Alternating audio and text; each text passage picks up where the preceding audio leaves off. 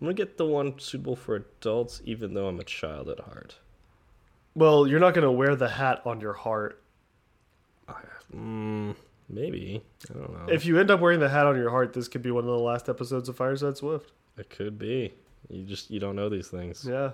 How'd he go? Just really loves Christmas. Just that guy really he had literally he had Christmas in his heart.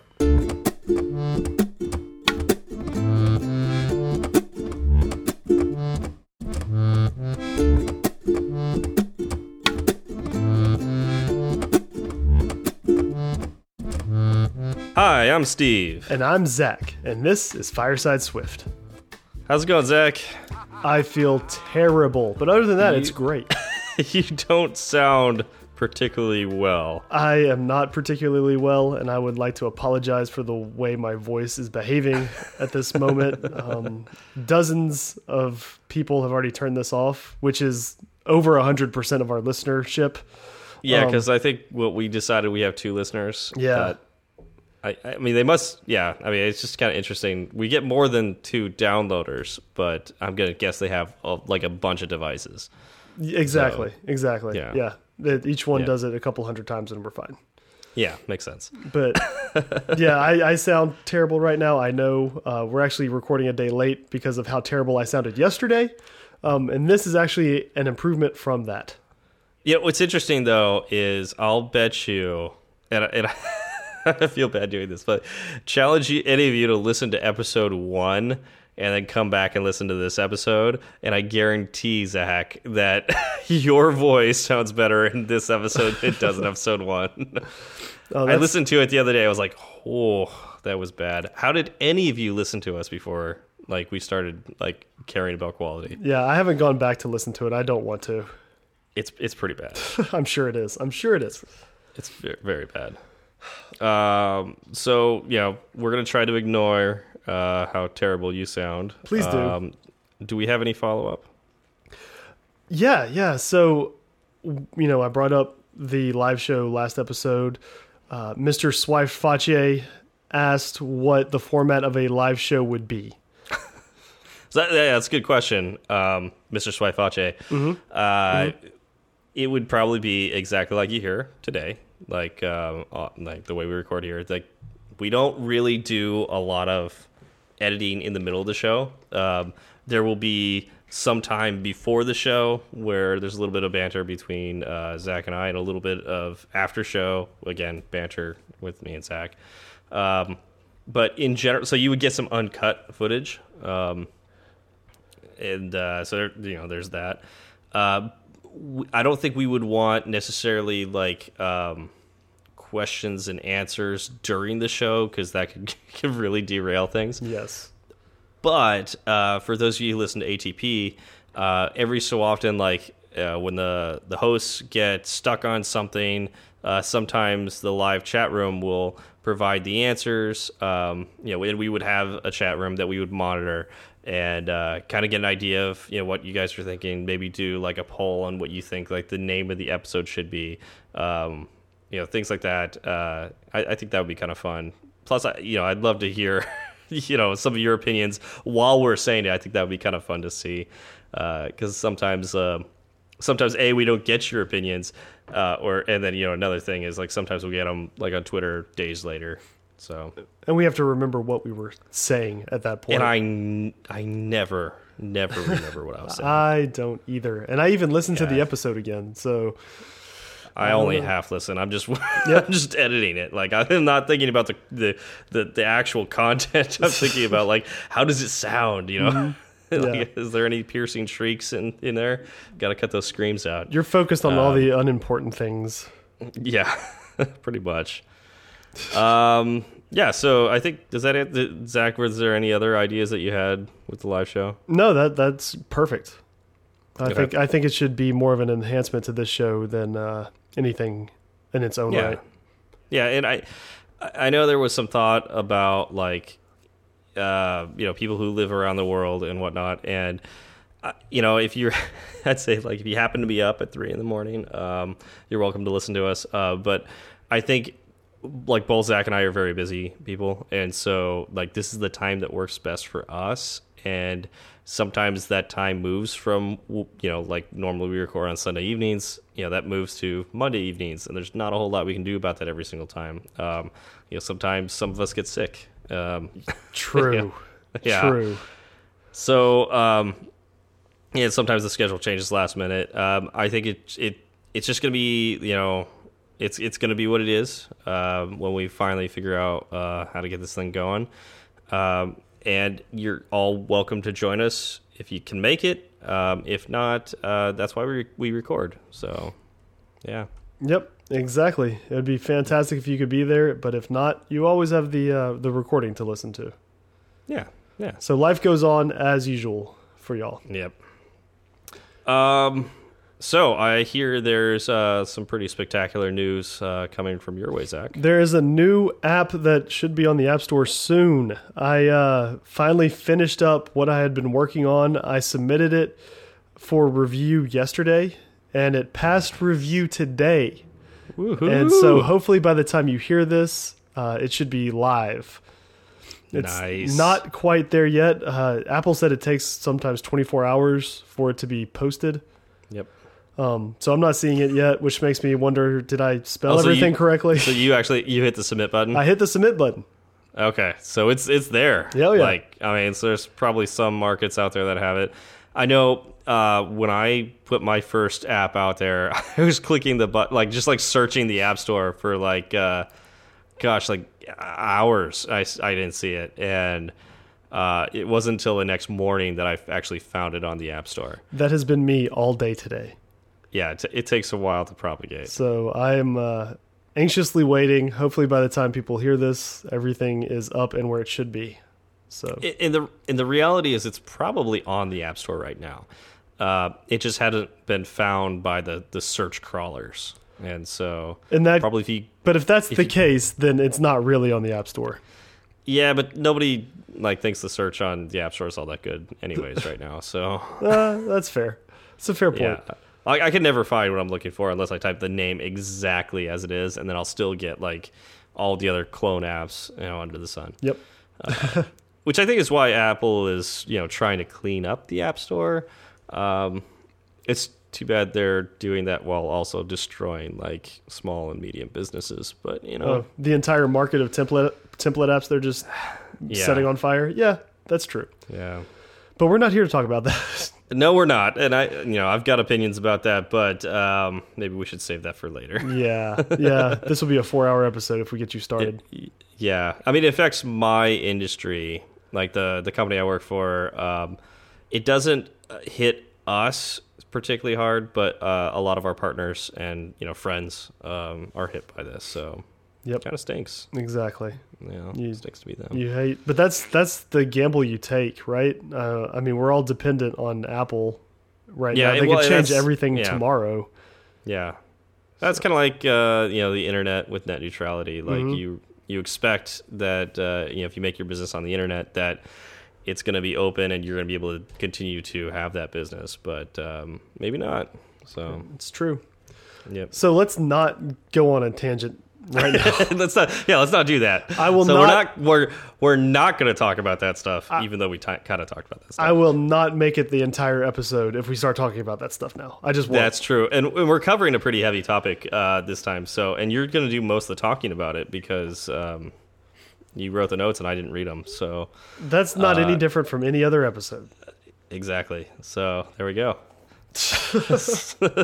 uh, but not only did you get an app on the App Store, Yes. you also successfully merged your first open source PR. Yes, the Lumina app from uh, David Okun. He, uh, like I said, last episode we came, ran into a lot of issues with, you know, me forking the repository and then not having access to that repository, so I couldn't actually push my changes. So this time I cloned it, and you'll you'll be so proud of me after our, our Git talk. Uh, cloned cloned the repository down, cut a branch, made my changes, and then he gave me access to push my changes from that branch or push the branch up to the uh, GitHub repository, and then from there I could create a new pull request, and then everything worked. Nice. I mean, that talk about hands-on experience. Um, one question is, uh, why were you cutting branches? Well, he didn't cut one for me to work on. So I just cloned you- the entire repository. Are you are you saying you made a new branch?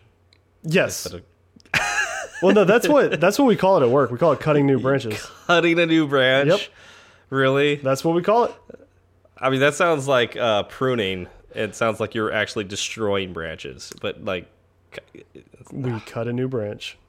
you're fr yeah, Texas. All right. Exactly. Um, so, um, anyways, um, So with these with these new branches, how do you know that you've actually uh, done the job that you uh, intended to do? Well, if you're smart about it, you'll write a bunch of unit tests to make sure that one, the code you've already written isn't broken, and two, the code that you wrote, uh, the new code you wrote, f- does whatever you want it to do. You know, it successfully Im uh, implements some sort of functionality.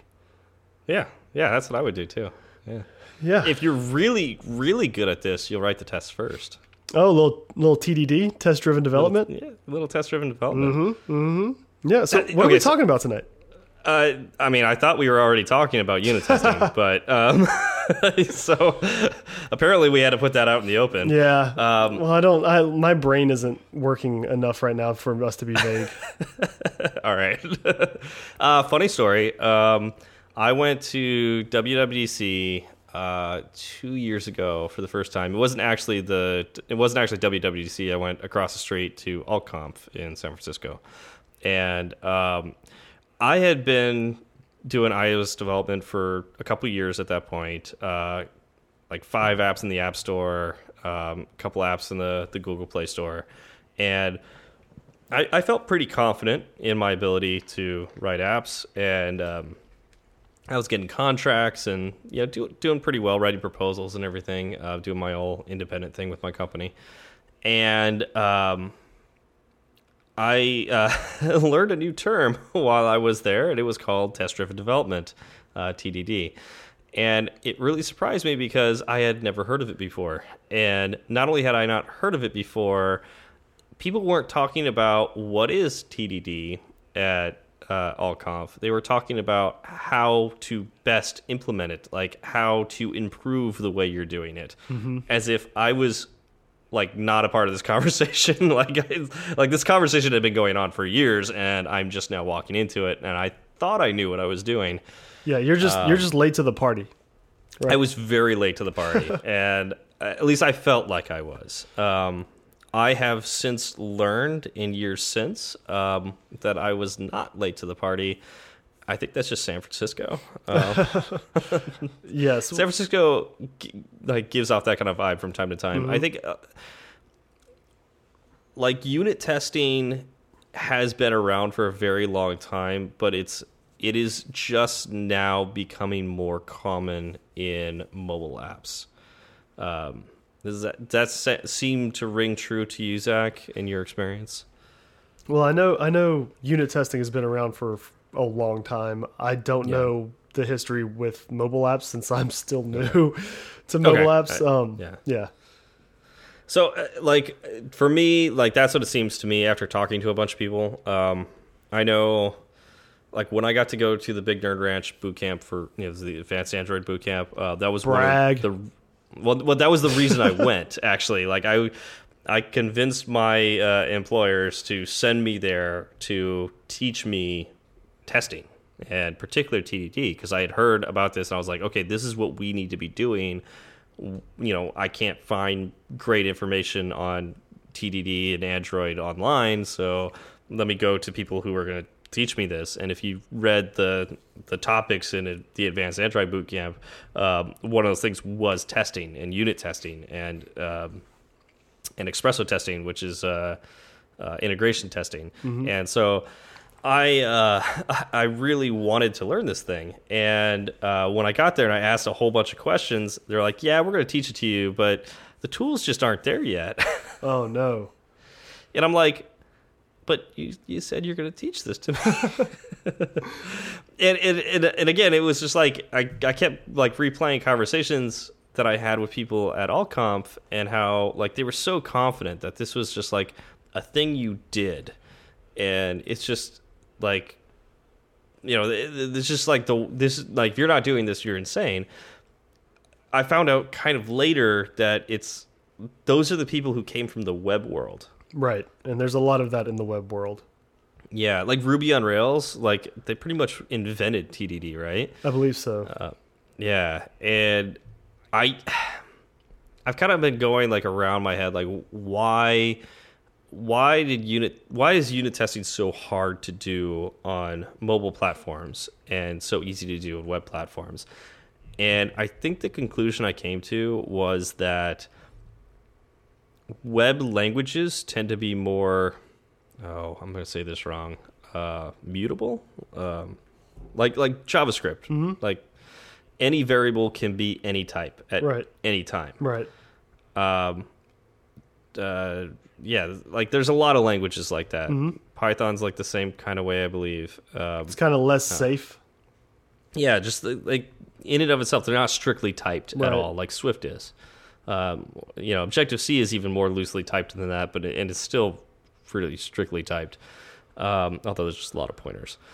Uh, but yeah, so like these these languages, really, you need to write the tests around it because your variables can change, like while your your code is executing, and you have to make sure that it's doing what you expect it to do and tests kind of allow you to constrain that. Uh, yes. And so, while I think unit testing does not have the same gravity in web or sorry in mobile development as uh, that it has in web development, it is still a good practice to have, and uh, it is still useful to do in mobile development. It's more than useful. Um, do you think that eventually test driven development will find a home as much as it did in the web world? It can, if, and this is a really, really big if, if both iOS and Android um, figure out how to uh, get that feedback loop smaller. I see. Right, yeah, right now, um, when I write my unit tests for iOS and I hit run tests, what does it have to do? It has to spin up a simulator, and there's probably there may be some way I can get around this, but it spins up a simulator. I'm running unit tests. I'm not, you know, I don't. Right. You- I'm not. You don't need the UI for a lot of I don't right? need the UI. I don't need it, but it has to spin up the simulator. It's got to completely build uh, build the app. It's got to install it in the simulator, and then it starts running the tests. So it could take a minute or two, you know, for a small app mm-hmm. to run its tests. So in order to do TDD, you write a test that fails. You run it, you let it fail. You then write code to pass that test. You run until it passes the test, and then you write a new test, and you continue that cycle until you've completed all of your requirements. Yep. Red green refactor. Yeah, it's great. I, I I've done uh, code katas, uh, which we'll talk about that probably later. Um, I've done several small code katas where I've done TDD. I've gotten used to doing this. I used to do that as like my morning routine. I'd wake up and you know get to work and do a, a thirty minute code kata, and then I'd be ready for the day. Um, maybe I should explain what that is before we get too far. A code kata is like it's just like a quick programming pro problem, um, like uh, convert. Uh, a number like an uh, an Arabic number to Roman numerals. Yep. So you know, or s- vice versa. Take Roman numerals, convert it to you know integers, um, and so on and so forth. And so it's like you know, fun little coding problems, and there's tons of those online. So I like Code Wars. CodeWars.com is a fun one for me. Yep. And that's something you introduced me to, and I I played um, Yeah. around on it a little bit, but I haven't messed around with it too much. Yeah, but like it's easy to do TDD with that because it's got a little section that has um, has your unit test. So you write your test, and then it's got a little section for writing your Swift code. You write your Swift code, and then you execute the test, and you see within a second um, whether you passed your test or not. Yeah, it's real easy to do TDD when someone else is writing the tests. well, if you, yeah, it, you're supposed to write the test, Zach. you're supposed to write your own tests.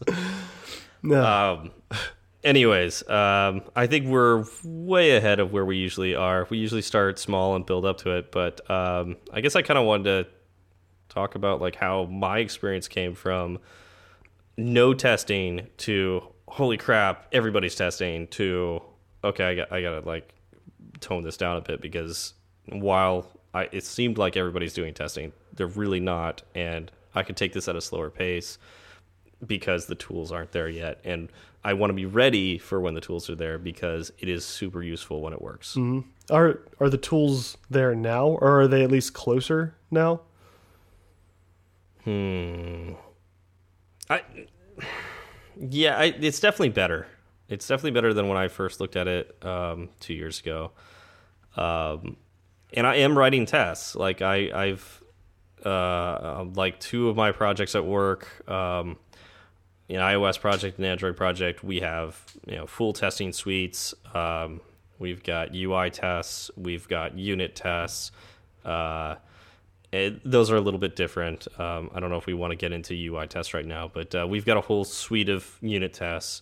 And so when uh, somebody from the team does a PR, because we don't have a CI environment set up yet, continuous integration environment set up yet, um, we manually have to run the test. But still, like that's a huge difference between just reviewing the code and and running the code on on uh, the app to make sure that it works uh, we, we run the tests and it makes it pretty obvious if something's not working. And I could easily reject a PR within seconds because you know the test didn't run. Right. If you have good code coverage uh, for your tests, then you'll know if anything is broken anywhere in your app. And that is, you know, it's very easy to break functionality in your app without realizing it. You know, you yeah. you want to implement functionality uh, or you know function A, and function A you don't think you know, will affect function B at all. You think it's fine.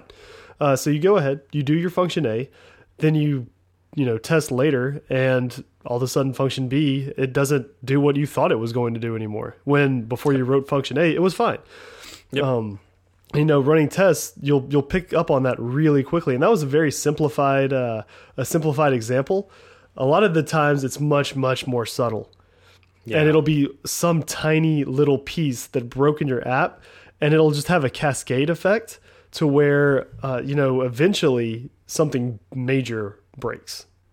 Yeah, and it's oftentimes like something like you thought was a good idea at one point. Uh, you realized it was a bad idea, so you commented out, uh, and then later when you're trying to figure out something else, you look back and go, "Oh, why was this commented out? This would work," and you uncomment it, and then you submit your code to you know like let's say TestFlight. Who and um, would do and, that? Yeah. Uh, who you know then i don't know. works. I don't know what and, you're talking i don't know anybody yeah. that would do that specifically. I if you just don't have proper comments in your code um, then yeah. you're, you're going to run yeah. into that issue um, run into that issue, and that's one of the reasons why it's good to have. I, this is this is a hypothetical. All like, hypothetical. Not, all hypothetical. Not saying like yeah, not saying that this would happen to anybody. But if um, if one were to do that, I would be understanding. I can see how that would happen. I, I mean, I I feel like this person should be rep reprimanded. Like I mean, like people depend on this, and not yeah, not yet and uh, that's that's what beta testers are there for. if the beta testers installed, I mean, this app. is, this is valuable time for the beta testers to find other bugs uh, instead of this you well, know, this new bug that could be introduced by just not having unit tests. The thing is, if you don't want your beta testers getting bored, you want to make sure they're still downloading that beta. Uh, okay, so I may have I may have done that. I may have done that, um, and I didn't have unit tests, and I kind of broke my app the day before I was going to submit it to Apple. and we're talking about it. I'm like, I'm like uh, testing out this new feature. I'm like, oh, this is pretty cool. I like this new feature. What? Wait, why? Why can't I click on this anymore? yeah. yeah. So it happens to the best of us. Um, hence, hence the reason to have unit tests. Um, and, and, it's it's really easy. Like another another thing that's really great about unit tests is um, sometimes when you're uh, reviewing code, and it's there's a lot of lines of code, and it's like it's very difficult to follow, and you're like, yeah, that kind of looks good. Um, instead of just like running a gambit of tests that like like I'm talking about manual tests, like hitting every button in the app and, and so on and so forth. you could look at the unit tests for that feature. Mm-hmm. And instead of reviewing the code, like you're gonna look at the code for structure, but instead of like debugging and like verifying that the code does everything you expect it to do, look to see if the tests make sense. True. Like look at the test and like make sure they run or make sure you run the test and make sure they work. If the tests make sense, if they are um, if it seems like those would cover all of the, the cases for what uh, you know the feature you're trying to implement, um, you could reasonably assume that their code is you know works. You don't have to like run like a ton of uh, you don't have to like comb through the code. Is kind of what I'm trying to say. Right. It'll it'll condense down the expected results for you in a way that is more easily digestible. Exactly. I, I, can't tell you how many bugs I found by like looking at the tests and going, you know, this test uh, works for this example, but you know, wait, we didn't test to see what happens when you throw this variable at it, and I think this might be an edge case. I I write a quick test to do that, and sure enough, the the code fails. You know, the test fails, and so oftentimes what I'll do is I will commit that code on that branch, and then reject the PR and say, hey. Uh, you know this here's a test. I committed it on your branch. I asked for permission before i do that. Um, but I'll, I'll, say you know write the code to pass this test. Yep. So basically you give them the red test and you want them to turn it green for you. Yep. Yep. That's it. Yep. And that's and, and that's a really uh, good way to do it. Um, a lot of the times it'll be possibly hard to test those edge cases, whereas you know you write one unit test and it's much more simple to run. Yeah, well, you know, another thing is like we all get tunnel vision. We all forget some of the edge cases. Mm -hmm. Like we do the best we can, and some people are better at seeing that than others. But like, yeah, we all get forgetful, and so uh, I mean that's why we PR. Yes, you know, everybody, um, you know, could use a little bit of a review from time to time. Like we can't uh, all assume we're perfect, mm -hmm. and so um, yeah, I I encourage uh, people to help me write tests and uh, help me see what I'm not seeing every single time. Yep, I think that's a good uh, philosophy to have. I like testing because it makes me feel good. it makes me feel very comfortable when I go and I commit my code. I know that everything is working because I will go back and run through some tests, you know, in an app, but I won't test every single piece of functionality. And yeah. as I said earlier, you know, you can break something easily. Uh, these tests, everything comes back green. I sleep a lot better at night. Yeah, I mean, it's there is something to that, uh, the peace of mind. Um, I know I there's like been two phases in my development career where I got like like a tool gave me a chunk of peace of mind that I didn't have before. Uh, the first time was when I implemented version control uh, using Git. Yes. Um, now I had the peace of mind to like uh, not have to like worry about losing my entire project because I screwed up one file uh, or deleted something I didn't mean to delete or forget to save or who knows. Um, I now had something backing up and giving me history, so it was like a safety net. Yep. And then once I started implementing uh, a full suite of unit tests, it also gave me that peace of mind that I can now go crazy and like refactor a whole section of code, and I can go back and look at the unit tests, and if they pass, that means I have successfully, you know, not broken something. yes, which is what everybody wants. Yeah, so it, it's definitely a feel good. Um, and green looks so much better than red. So right, you know, just like it's like little little green uh, uh, like uh, traffic lights. You know, ting, ting, ting, ting. Yep, it, I love it. It's more pleasing to the eye. You know, you know things are going well when everything is green. Oh yeah, I love it. Even better when you get uh, a full suite of uh, UI tests and uh, you're watching the simulator doing all sorts of crazy cool like taps and you know changing orientation and everything. It's it's that's awesome. Wow, get you get so you can actually see all that.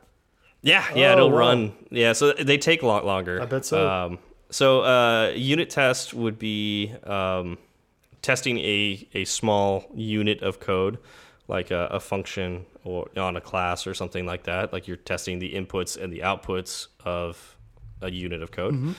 uh, whereas a UI test or another word, um, integration test, at least those are the the words I use interchangeably. um, there, I'm probably wrong. No. categorizing. like I'm sure somebody on Twitter is gonna be like, well, you know, really integration test is this, and I I really want to hear what the differences are because in my head, like integration test, UI test, uh, same thing. Just because that's what Xcode classifies it at, and I think we could probably get into nuance there, but. Um, uh, it, basically, with the UI test on in Xcode, you specify uh, using the accessibility features of uh, of iOS, which is actually kind of neat that you actually can see into accessibility with this. Um, basically, rotate the phone, tap this button, type you know tap this uh, text field, type this in, you know tap this button, yep. and you actually see this happen. You know, in real time, it's much faster than you could type, uh, and so you can build in like what your expected user what they would do. Obviously, they would log into the app and they would you know do certain things. You would write those tests and then tell it to go, and you could tell it to go on any of the simulators. So basically, any iOS device. Wow, and that that yeah. seems like it'd be a really powerful uh, tool to have. Yeah, and you could even have it take screenshots for you. Oh, really? Yeah. So if you do this right, you figure out exactly what screenshots you want. You run your UI tests, and there you go. You get your screenshots. Man, that's just a little icing on the cake of testing. Oh yeah. oh. Sounds like I'm going to yeah. have to start doing this. Yeah, it's it's definitely worth it. So, what? How does Xcode? What do you write in Xcode to create a test? Uh, so in Xcode, you're going to want to use um, the XCT test suite or XCT test framework. Um, you mean that stands for X Xcode test? So just XC test, or oh, what? You're right. I I said XCT yes. test. You're you're right. XC test. Yes. Gosh, it's yeah. I'm the sick one. I, I'm the one that's supposed to be making those mistakes. You're right. Well, I'm trying to think. It's like S XCT assert. Oh, right? Oh, really? Uh, yeah, yeah, yeah, yeah, it is. Yeah, and so like that in my head, I'm like everything X, XCT something. well, in this case, it's XC test, not X, XCT est. Yeah, that T is already there. It's already there. Yeah, it's just like um, ATM machine. Yep. Um, I'm trying to think. There's some other good pin ones. number.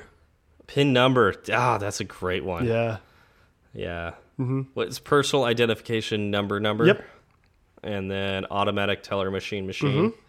There's, there's a ton of those that we're terrible at.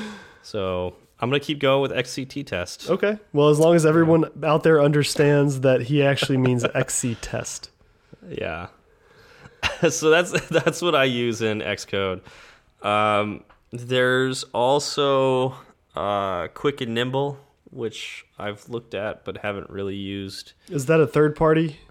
Yeah, those are third party frameworks. Okay. Um, and they they work well together. I forgot why somebody explained it to me at one point and it made sense.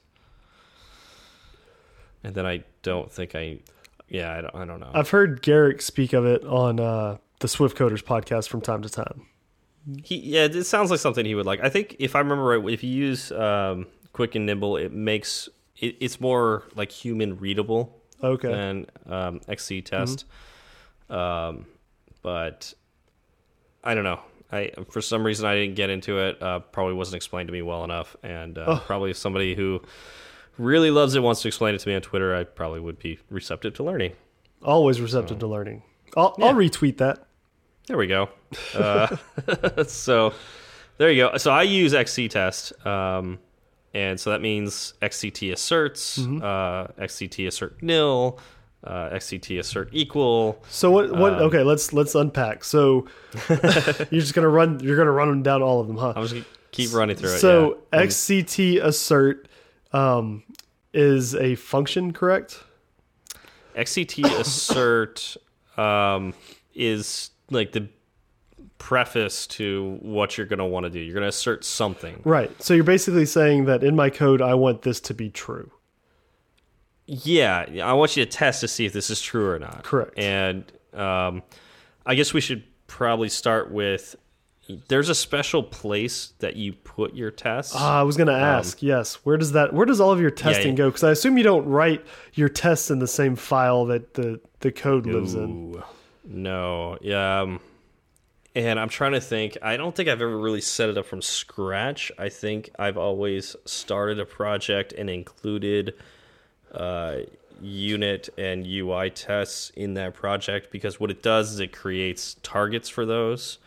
Um, and then creates folders that you that has some example code in it Oh, okay. in Xcode. Okay. So, highly recommend if you haven't done that before when you're creating a project. Um, right where it asks you about core data, and I, I know all of you know what that is because you were listening to every single one of our episodes. Obviously. And uh, we did that whole core, core data episode. And uh, so, the same place where that check mark is, uh, right around there, you've got uh, check marks for include, unit, and UI tests. If you have those checked when you create your project, um, it will create those targets for you and create um, the folders for you as well with the example code. Okay. Yeah. So you keep using the term target. What is a target? This is not the episode on targets, man. This is the episode on testing. Uh, I do you want to give it uh, give it a, quick rundown? Like two. Uh, you have you have thirty seconds. Go. 30 seconds. Um, so a target is usually um, concentric circles that you want to shoot. You're uh, wasting time. at. Wasting the time. middle one is looks like the eye of a bull, and so they call that the bull's eye. All right, moving right along. so uh, I honestly like I probably couldn't do it justice without looking it up. Um, Okay, that's fine. Yeah, it's it's what your uh, your stuff targets, and so it's called a target. Okay. That that mean that makes sense. It's what your stuff targets. That's that's the Yeah. kind of knowledge people come for. Yeah, that's why they listen to the Fireside Swift because we always know what we're talking about Every single Um, time. every single time. so where, where were we? Okay, so XCT assert. So you, then you have Oh. XCT assert nil. Okay, but like one of the things to note is within the folder and the the where you place your unit tests, you need to have XC test cases. Oh, okay. Yes. and uh, so those are basically defined.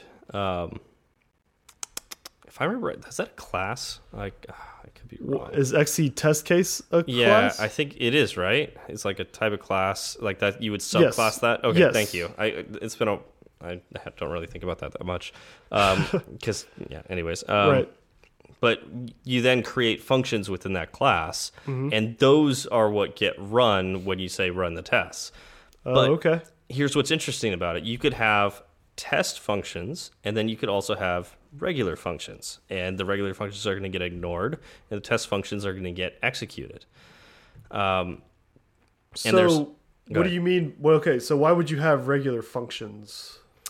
Uh, so if they're like helper functions for like setup and teardown, well, Oh, those are, those are special. But like, Ah, gotcha. like within, like if you're gonna do something over and over and over again within like Mm-hmm. setup or teardown, or and you just want to move the code somewhere else. Um, if you want to do something over and over again in certain tests, um, you know maybe you get helper functions or something like that. You would set those aside, and you don't want those to run. They're not tests. They're not test cases. Um, but Right. Uh, They're needed to run the test cases. yeah, potentially. Right. Yeah. Um, and so, uh, in order to create a test function, all you need to do, and this is this is kind of weird to me, um, but this is just how Xcode works, is at the beginning of your your test function, you have to use the exact word test.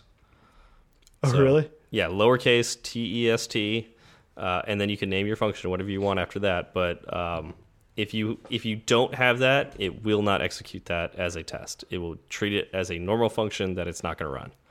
Okay. So you just you just call it out basically. Yep, just call it out. Just func test, and it's like test my function, you know, or my uh, special function or whatever. Um, or t you know, test that this is equal to this, and that's what you name it. And then within your test, you you write your asserts and all that. Um, Okay. So you have one test, and that test function could possibly have it has at least one assert, Well, correct? here's the thing in the in the class that you've created this uh, XC test case uh, class, uh, you could have many functions, many test functions. correct. So it doesn't have to be one. Uh, Well, I, I was saying, but inside your test function, Mm-hmm. so you you know you have you have your XC test case class, yes. right? Yes. And within that, you have all of your functions, all of your Yes. test functions. yes. Then within your test function, you have your asserts. Yes. Okay, so it's basically just nested. Yeah, kind of. Kinda. I mean, yeah, yeah, yeah. yeah. Because if you really like break it down, like the actual tests are those asserts, right? Right. But there's like a lot of setup involved too, and so the it could be that like when you say test, usually what happens is you you have to have some sort of action, right? Like you you have to create some variables, and then you have to do some sort of thing. Like you've got a particular object, you want to run its function and or run a method in that on that object and see what its output is. So with this input, what is the output? And then once you've done that, then you want to assert that things are what you expect they are. Mm -hmm. So Okay. uh, like a common one uh, we've done recently was uh, the API is going to return some sort of JSON file. So I'm going to ask this thing of the API, and it's going to return a JSON file back, you know, a JSON string. And um, now that I have that, I'm going to feed that into a mapping function, and I want to verify that the object comes out has the you know has mapped everything appropriately. Okay. That makes sense. Yeah. So what I'm going to do is I'm going to I'm going to feed this in. It's going to generate a new object for me, and then I'm going to test every property of that object and make sure that uh, based on the JSON file that I fed into it, did it spit out the correct values for every one of those properties? Okay, so you'll just have a bunch of XCT asserts. Assert know, equal. Equal, okay, assert equal uh, Yeah. something equals something. Yeah, so you Okay. put the expected value 1st So Mm-hmm. I expect it to be this, Okay. and then here's what I'm testing. And Then, Okay. and then the next thing is I expect this to be this, and you know the next value is here's what I'm testing. So that, um, that's the general formula, and the reason why is because when it fails, it's going to give you a failure message, and it's going to say uh, you expected this, and this is what you got in return. If you swap those, if you put the the value that you're unsure of first, it's going to look weird. Where it's like you're expecting this weird value, but what you really got was what you were expecting. it's I like, see. yeah, so you don't want that. You always want to put what you expect the value, what the right value, guaranteed the right value that you should get, and then uh, the next value is what you're testing. When that when a test fails and you get that that test message, Mm-hmm. um, so say the third XC assert or XCT assert out of ten fails. Okay. Do you does it run the following uh, XCT asserts or does it stop right there? Uh, let me think about that. If I remember right, it will run all of them. It Okay. will declare that one as a failure. So you get a view into that's that's really what I was getting at. I Do you get it- a view into every I think every so. assertion you make? I mean, uh, this is on the top of my head, and I, I'll, I'll tell you this: if you've got several functions, several test functions, and one of those fails, it will run the next one. It won't stop there. So I know that that for sure. Okay. Um, if you've got several asserts, I believe it will not stop if one fails. Okay, that that's keep the going. that's the behavior I would want to see out of it. Yeah. Um, it wouldn't make sense for you to. Uh, I mean, Well, it's it's difficult for me to remember because like, if I remember right, in Android Studio for Java, it will stop. I'm Like, pretty. Sh uh, I don't know will- about Android Studio. Yeah, I'm I- not sh sure about JUnit tests either. yeah. So we use JUnit in uh, Android Studio with uh, Mockito, Yep. um, and uh, if I remember right, if once a test fails there, it will not move on to the next one in that function. It will continue to run the other functions, but once one JUnit test fails, um, it won't move on to the next. I would want it to though. That way you Oh, get yeah. a better idea of where you stand initially. Totally, totally. but uh, if I remember right, and I could be wrong, and I would love for somebody to tell me. Um, and I, I honestly, I could just like test this like today, like on my computer right in front of me. I'm not going to because then I'll be like quiet for like a good like 15 minutes while and maybe silently cursing while I'm trying to download everything from our repo online and so, you know like trying to get everything set up and running. Um, yeah, that's that's not a good podcast. So we probably don't want to do that during the show, but uh, you know, that's if I remember right, there was a, a like a couple differences between the two uh, IDEs, and that was one of those things. Okay. Um, another difference is uh, Java because it has. Oh, I'm going to get this wrong too. Um, introspection. Is that right? What is introspection?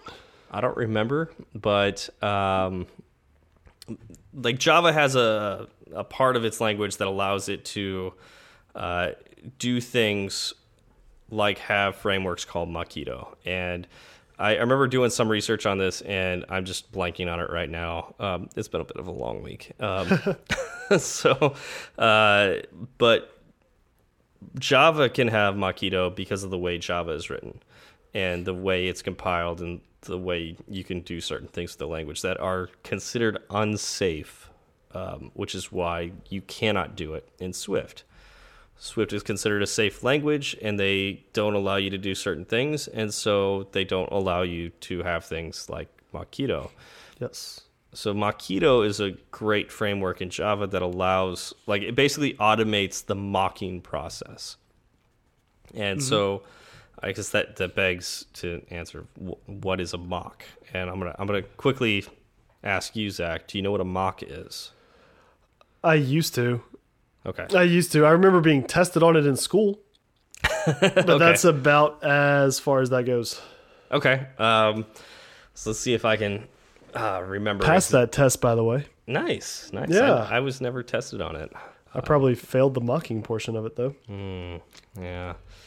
I mean, I, I do it all the time now, so it's like not too big of a deal for me. But um, so um, basically, a mock is um, a fake object. Uh, so if you practice protocol oriented programming, um, you basically, you know, want you want to do it to be able to do mocks, but mm -hmm essentially what you do is you create another version of a dependency.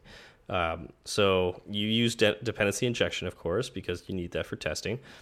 Um, and we'll talk about that at some point on the show. I'm, I'm sure if we yep. if we haven't already, I don't know if we have. But uh, um, I don't think we've done it to a satisfactory level. Good. All right. So we'll have to cover that one day. Um, you've done uh, dependency injection, and mm -hmm. so uh, and all of your dependencies that you have injected have uh, protocols for the uh, you know to, that define them.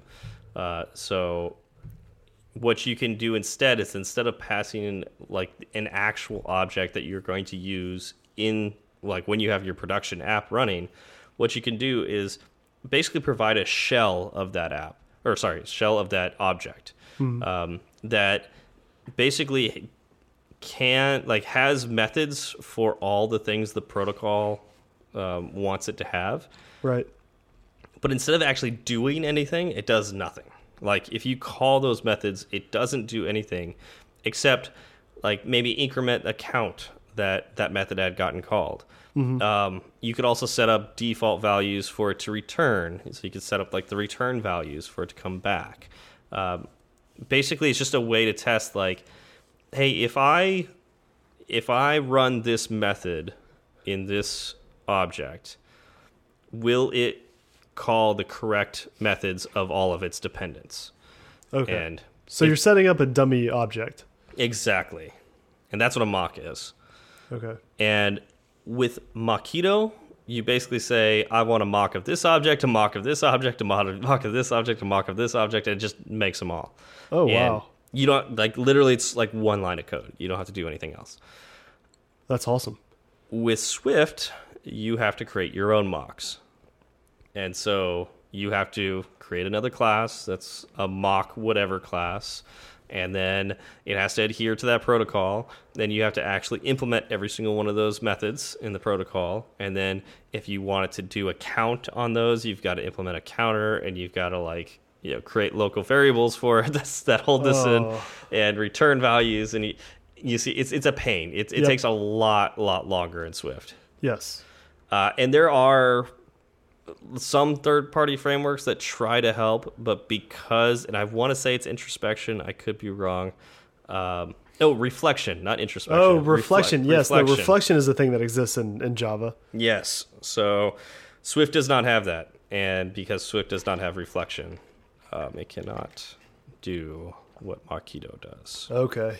Yeah. Man, that that sounds uh, that sounds like something we'd like to get set up because having to write all of that on your own is going to just increase your timeline and workload. Yep. And it's frustrating, but But you get unit tests out of it, so you get unit tests out of it and you get a better understanding of what your code is supposed to do. well, yeah, because you're writing it twice. Yep. yeah, I mean, and, and some people will argue that it's better. Like literally, like it's better to write your own mocks because you're understanding all the interdependencies of what your app is supposed to do. I think you should spend more time writing tests. I mean, that's kind of part of the test, right? You're you're setting up the framework for your test. Yeah, but it's not. I'd rather write a, a, a solid test that makes me think about how my my app is supposed to function, as opposed to duplicating the code I've already written. Yeah, I agree with that. Yeah. Because in in one case you're thinking critically about what is actually happening within the functionality, and uh, in the other case you could just be you know trying to get through it because it is drudgery. And what if you actually have a bug, you know, a typo in your mock? Yes, yes, that would be terrible. That would, yeah, be terrible, and it, it happens. All of your tests would fail, right? Not all of them. Maybe one test fails, and you Well- may be like, "What is this? Why is this failing?" Yes, I mean all all the all the tests that called wherever that typo was in your Yeah, mock, yeah, they would all fail, and you would have no real knowledge as to why that happened. yeah. And that does happen with testing, like unit tests. Like if you write a bad unit test, it's gonna fail. And I, I I've done that before. It's Mm-hmm. embarrassing. Yeah, you just can't get your functionality working. You'll spend how much time would you spend? Uh, so I guess that's a good question. How much time would you spend trying to fix a, a test that's failing on the functionality side, on your code side, before you go back and look at your unit test to make sure you wrote the unit test correctly? That's a good question. It depends on how many Red Bulls I had that day. um, you know how motivated I'm feeling. Uh, Uh-huh. Those kind of things. Yeah. Okay. There's a lot of there's a lot of factors there.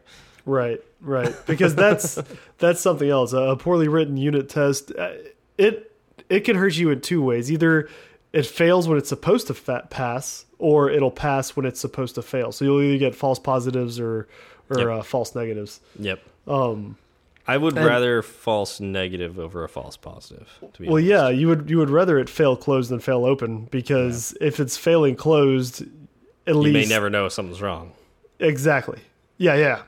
Right. So if it if it fails and it, it passes the test, Yeah. well, you know what I mean. If there's a bug and it passes the test, Yeah. uh, then you could ship potentially buggy code when you think that you're protected. Yeah. Totally. And I mean, you get that those warm fuzzies that you pass all your tests, but you wrote bad tests. Like you Yeah. shouldn't feel warm and fuzzy, but you do. And I, I think that's kind of the fallacy too of uh, coverage, like code coverage of tests. Um, there's a lot of um, people who really praise code coverage. I think it's it's a nice to have. Um, so like what they mean by code coverage is that like your test cases cover X percentage of your entire code base, and the closer you can get that to 100%, the better. Um, but if you're writing bad tests, it doesn't matter what your code coverage is. That's true. 100% coverage with bad tests is not good at all. Yeah. So I would focus on quality tests, like quality important tests more than code coverage. Would you say that learning how to write tests is as important of a skill as anything else when it comes to coding? Mm, that's tough. What's better, writing good tests or knowing how to structure your code? Knowing how to structure your code. Okay. So what's Because- better, uh, writing good tests or writing good tests or writing good comments? writing good tests because Okay. if you've written your code well enough, it should read like a like it should be easy to read anyways. Mm-hmm. Like you shouldn't need to write that many comments. Right. Yeah. So I, I, like I guess the reason like this goes to the beginning of our conversation. Um, I think with a safe language, a, a safe, uh, strictly typed language like Swift, testing is less important than something like Ruby or JavaScript. Because the compiler will catch some of those issues before they even a make it lot to of a those test. issues yeah. a lot of those issues um assuming you're not assuming you're not ex explicitly unwrapping optionals um, you, what do we call what was there's so many great names we, we you know I I don't even know right now. I'm I fading quickly. yeah, I can't I can't think of either but um assuming you're not explicitly unwrapping optionals left and right uh yeah the compiler should catch your your craziness Mm-hmm. before Yep. you run something Yep. It's Yeah. one of the reasons uh, I really love working with Xcode and Swift. yeah me too hmm Uh, and I, I, I uh, well, I guess I'll talk about this towards the end. Uh, but I, I had a accomplishment this week too, and I, I forgot to mention it in the beginning. So we'll come back to it. Oh, okay. It has to do with this, so Okay. hopefully I'll remember to talk about it. Uh, and I think we're almost through uh, XCT, wait, XC test case or test.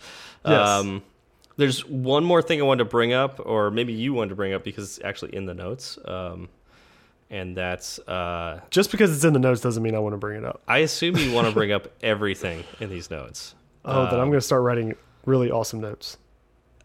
A start? I think your notes are pretty awesome to begin with, um, except for that one time. Um, anyways, The one, uh, the one time you wrote them, yes, that was, yeah, that was pretty. yeah, that was poor. you did terrible on that one. um, so, uh, setup and teardown. Oh yes, because we touched on that earlier. Yeah. Um, I didn't know if you wanted to revisit it to go into deeper detail. Well, I, th I think it's and it's interesting to know, and it's it's useful to know why those those methods exist and what they do. Okay, Um, so let's dive in. So an XCT XC test case, ugh, me. XC test case. Uh, there are two um, two more special kinds of methods you could have in there, and that's setup and teardown. Hmm And basically, setup will run before every test method. So remember we talked about putting lowercase test in front of a test method Yes. or test function. Um, depending on how you look at it. Um, okay, so if you've got one of those test functions, setup will be run directly before it runs that test function, hmm and teardown will run immediately after that test function. And so when it gets to the next test function, then it's going to run setup again. It'll run that next text func test function, and then at the end, it will run teardown, Okay, so it's and it's so on and so forth. it's setting state for each test. Yes. Okay.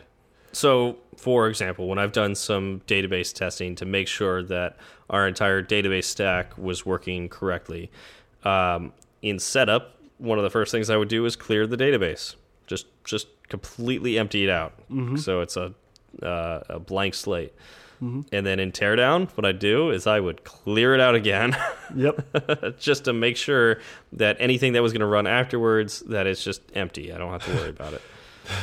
Now that's maybe overkill. You could probably just add it to every setup to clear out the database, but um, I'm a little paranoid. I want to whatever I'm doing with my tests and adding stuff to the database, taking stuff out, ruining things, updating them.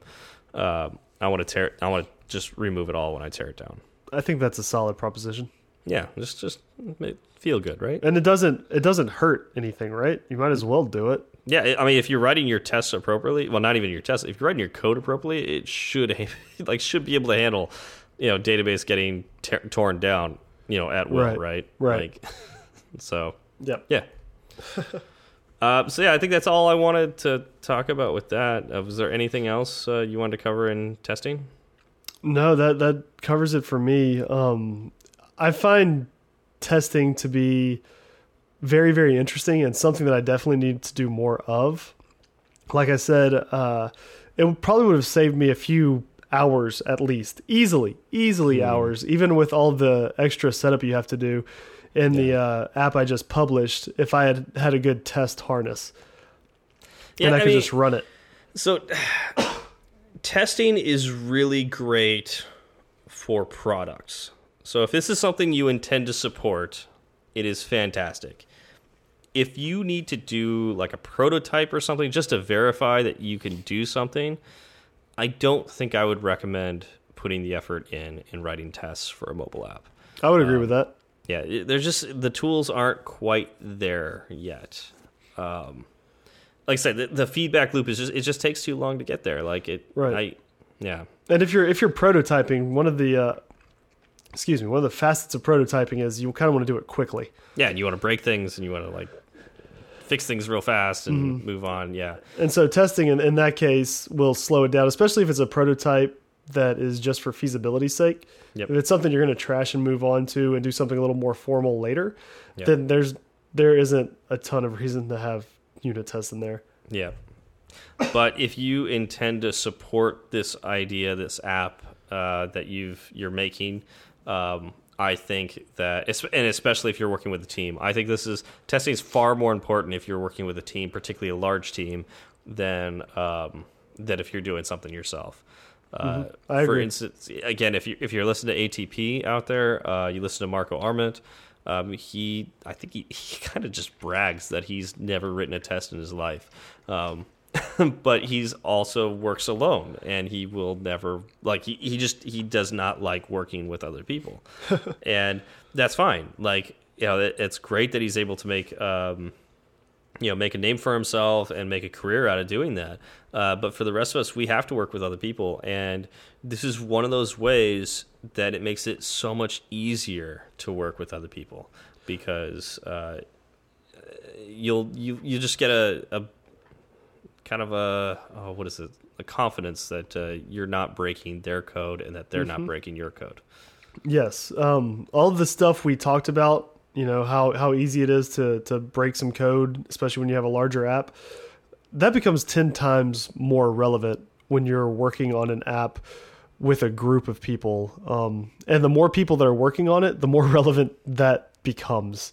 oh yeah Uh, if you're working on one app with 15 different people and it's a distributed team, so you know, say they're they're remote, you know, all across the world, those test cases are going to save you at some point. oh yeah absolutely absolutely And by the way, can we get a bell for every time you say ATP? well I, I think i only mentioned it twice this episode Yeah, I mean, I, Twice. want to ring the bell twice. oh well i guess that makes sense Ding. Very nice. I wasn't talking about file systems so That's true. No reason to talk. You know, ring a bell. Yeah. uh, okay. Um, so okay, so I want to talk about like one of the fun things I did this this weekend. Um, just very briefly, uh, but it kind of goes along with this. Uh, I wrote my first Kotlin Android app. Oh, that's right. Tell us about that.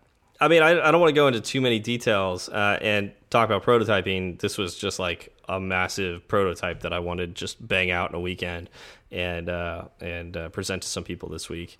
And um, so I I was like I had to, I had to write an Android app uh, in a weekend, and I went, you know what, I am starting from scratch. I I'm not trying to add on to an existing app or anything like that. I'm I'm at home. I this is not for for work or anything, and uh, I don't have to worry about other people supporting this code.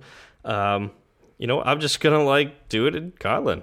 You know, just start with that, Yes. and uh, it was easier than I thought it would be. Seriously? Yeah, it's. Uh, I had done a little bit of work with it uh, months ago. Um, I seriously thought about uh, slowly updating pieces of uh, one of my company's apps to Kotlin, like uh, class by class, just like take some simple ones and, Uh-huh. and convert to Kotlin's. Uh, and uh, so I knew some of the the basic um, syntax that I would have to deal with. Um, but it's it's very similar to Swift. Um, and uh, Was it easy to make that transition for you? I, it was actually. Um, okay. There were some things that you know it doesn't have. It doesn't have guard. Um, I know you love your guard, so that had to been tough. it was tough, but they kind of get away with it. um, in a way that Swift doesn't. So instead of doing a guard let something equals something else like we do in Swift, in Kotlin, what you do is you say if this something equals nil, you know, equal equal nil, or sorry, not nil, null because it's Java based, so equal equal null, um, and then you would return in the the closure part, you know, in sorry, the scope of the the if statement, and then from then on, the compiler knows that that variable is not null. Okay, so it just it it's So it smart enough to know that, right? Yeah, it's just smart enough to know it and won't complain. Oh, that's cool. So it kind of gets away with. I mean, that's what we're doing with guards. The one thing that guard does that's nicer is it will throw a red flag if you forget to leave the scope, like if you forget to return or continue or something like that.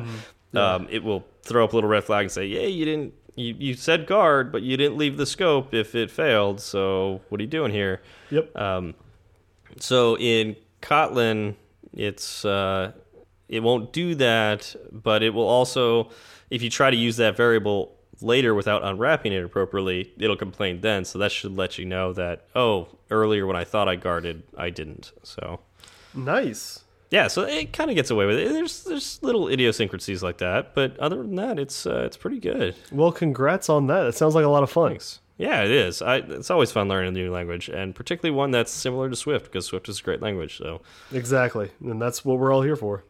Yes, for those of you out there that want to write an Android app and you're listening to us, which means you probably are working in iOS or trying to work in iOS, uh, know that there is hope out there. And there's a language that is very similar to Swift uh, in the Java world. And it's not Java, it's called Kotlin. Not Java at all. Yeah, yeah, it's pretty great. Uh, Kotlin's a little older than Swift, um, and uh, they share a lot of similarities. Nice. Well, I, I may have to check that out uh, someday. Yeah. I don't have any. I don't have any time to learn something new right now. I'm still focusing mainly on Swift, but Totally. um, Uh, you don't have time to learn something new, but you're learning Swift, which is new right. to you. Well, I don't. I don't have time to learn another new thing. Yeah, I can learn I- one I- new thing at a time. I. All right. Uh, did you have any shout outs uh, this week, Zach? I do. I'd like to shout out uh, Raghav and Mr. Swifache for testing my app. Uh, Victoria, you know, you were gonna have a shout out, but you you don't seem to want to download the beta, and Oh, no. that's all over now anyway because the app will be on the App Store when you're hearing this. She's not going to let you forget that. She won't. It's fine. Uh, I wanted to throw a shout out to um, Fitz G44, or maybe that's Fitz G44? G44? G44. No, it could be. Uh, it could be good for fun? leet speak. It could. Those fours could be A's. Fitzguy. Fitzga. Oh, Fitzga. Okay, I like that. Yeah, Fitzga. What up, Fitz? Fitzga. Um, I want to thank you for uh, your five star review um, on uh, uh, the the Apple Podcast app. Uh, As always, uh, truly appreciate all your reviews. Um, I, I read through them from time to time, and uh, it, it's touching. Um, really, really appreciate it. Um, yeah, from the bottom of my heart, love that that you love listening to us. Like I said, uh, some of those reviews were from some of the first few episodes. I don't know how you listen to those episodes, uh, but hopefully, uh, like I said, the the quality is getting a little better for you. So. Um, any of these five star like the, any of these reviews are really helping get a, helping us get the word out so more people can listen to this and hopefully we're helping more people Exactly. So y'all are helping us help people. Y'all are, you know, part of our little community here, um, and hopefully we're just we're going to grow it. that's yeah that's the ultimate goal so Bring bring more people to the fireside. yep thank you so much for that uh, basically always want to mention the uh, swift coders network of podcasts um, zach uh, any notable things we should pay attention to out there Uh, Garric interviewed Sean Allen recently. Oh, was- really? Yeah. Well, we Nice. so we knew that he when Sean did our show, he had done Garric's show earlier in the day, so he doubled i'm just, down. I'm just Uh, acting surprised Yeah. Well, yeah. Well, you didn't you didn't know it was published.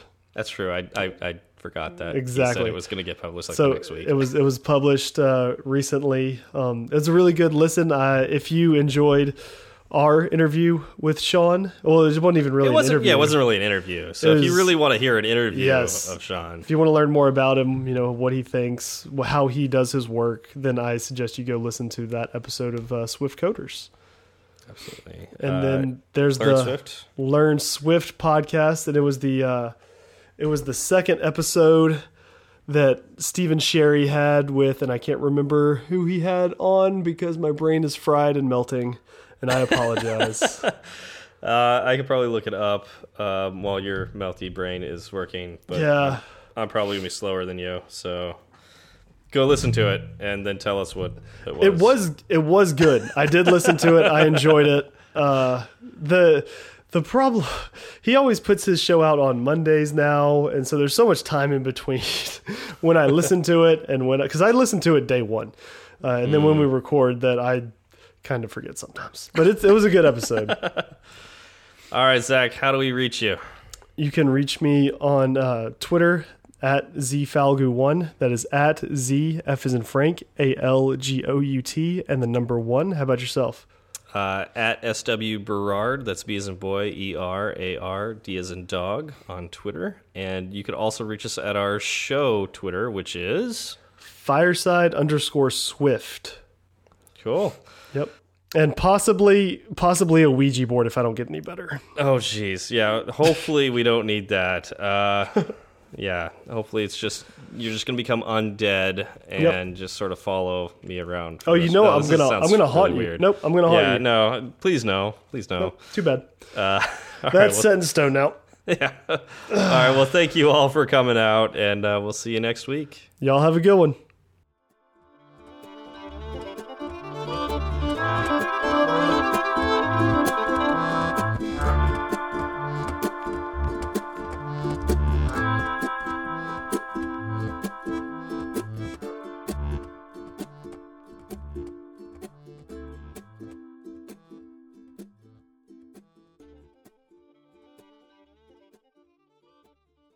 Um, a hot dog is not a sandwich. I agree. Um, so there's not going to be anything there. And here here is the the definitive reason why. If you take the hot dog out of the bun, what do you call it? You call it a hot dog, There you go. Done. It's not Yep. a sandwich. not a sandwich. You don't you don't need the bread to make it a hot dog. Yep. I, I agree with you. I agree with you. I Yeah. and in my mind a, a sandwich so I don't I don't count open face sandwiches as sandwiches either. Let's just put that out there. Because Yeah, that doesn't make sense. because if you have an open face sandwich, you're really just eating like a small pizza. Like Yeah. that would that would mean a pizza is just a Yeah, large pizza. open face sandwich. Sandwich, Yeah, right? and so yeah, if you called an open space sandwich an actual sandwich, then yeah, you'd have to say that pizza is also a sandwich. Exactly. You you open up the door to all sorts of foolishness. Exactly. And yeah, that's how demons get you. Exactly. So- exactly. You get sucked down to the lower plane. Yeah. So a hot dog is not a sandwich. A hamburger, I would say that's a sandwich. I would qualify a hamburger as a sandwich. even though I have heard people say if you take the burger out, it's still a hamburger. I'm like, no, not really. That's just a that's just a patty at that point. Yeah, that's. I mean, at that point, it's nearly meatloaf. Yeah. Yeah, The hamburger is when you put it all together. And exactly. it's got the bun and the lettuce and everything. Yep. Yep. And uh, for those who get a carb-free burger, that's not really a burger anymore. No. So, sorry, guys. It's like Yeah. a wrap wrap at that point. And I feel sorry for you. I do too. You're missing out all those delicious carbs. Delicious, delicious carbs. So, what's the mu most useless product around today? Yes. No, I'm asking you. Yes. Let's see. For me, the most useless product. I don't actually know because I haven't put a whole lot of thought behind this. Uh, You, uh, because I wrote don't. this question down. Right, and I did it thoughtlessly. I never said I put Yeah. thought behind it. Most useless product on the market today. I see the th- the problem is if it's useless, I immediately forget about it because I classify Yeah, it as that's kind of what I was thinking. I'm just And- like looking around my apartment. I was like, what don't I use, but is still here anyways? Wouldn't that be be bad though if you had something useless just sitting? Well, especially because my apartment's not that big, so I would like to think that everything in my apartment gets used in some form or factor. yeah, I'm gonna go with cats. Is that's not really Cats. a product? I, you know, I'm not a big cat fan. I'm gonna go with cats. Screw And you, cats. I would. Uh, eh, Nope. uh, I mean, I'm not a huge fan of cats. They're either, dead to me. But I, I wouldn't. That's just like a. Is a hot dog a sandwich? Line in Like, the sand. They're not products. We don't manufacture them. In fact, Some people do. more likely cats are manufacturing us. Um, I mean, that's how they make crazy cat ladies. So That's. cats cats cause that. Did you know that that's an actual? That's an actual affliction. Um, that's Crazy that's cat lady? Yes, that is actually true. Um, cats have a bacteria on them that you know when they shed. If you get it on you, uh, there are certain people who it affects, Like, and it makes them want get more to cats? Cats, yeah, That's that's frightening. yeah. That's that's really really frightening. Yeah, I know. You have everybody out there worried about AI. Yeah, and, And- then cats cats are slowly controlling a subset of our population. Cats have been around for forever. They've just been more subtle about it. They're pretty good at it. Uh let's see. Think about a cat robot. Like with singularity happens and you you cross cat I'm gonna have to say robot. I'm gonna say empty notebooks. Like I know that's gonna be really controversial for like some people. Like some people really like to like you know to write journals and stuff like that. But so I'm looking down. I've got this really awesome. It, it was given to me for Christmas. It was a, a journal thing, I guess, or it's just a notebook. It has just em- you know blank papers in it, Right. And it's um, styled like Battlestar Galactica. My uh, my sister got it for me for Christmas, and uh, it, it's really cool looking. But it's about the most useless thing I have in my apartment because I I I don't even. Oh, there's a pen right there. So I do have a pen. I almost like I, I usually don't know where my pen or a pen of any kind is in my apartment anymore because I don't write anything much anymore. And if I do, it's like on my iPad with my pencil. Um, So we have to qualify it then because it's that is the most useless product specifically for you. Yeah, I thought that's. I mean, always what we were talking about here. But for a selfish, selfish me. for a like music composer or author who you know they don't want to up, update to digital a lot of a lot of them do enjoy writing with pen and paper pencil and paper I, I- like I said, I, I think it works. Like I said, it's controversial because there are some people who love the feel of writing, like um, you know, with with their hand. And I guess for me, it's always hurt my fingers. So like, I've never been a fan of writing, at least long form. i would like to see how you hold a pen what if you just hold it in a really jacked up way I probably do. I probably I, I know I pinch it too hard, um, but I, for me, it is definitely the most useless product that I have. it sounds like it would be for you if you if you don't like writing and all you do is type Yeah.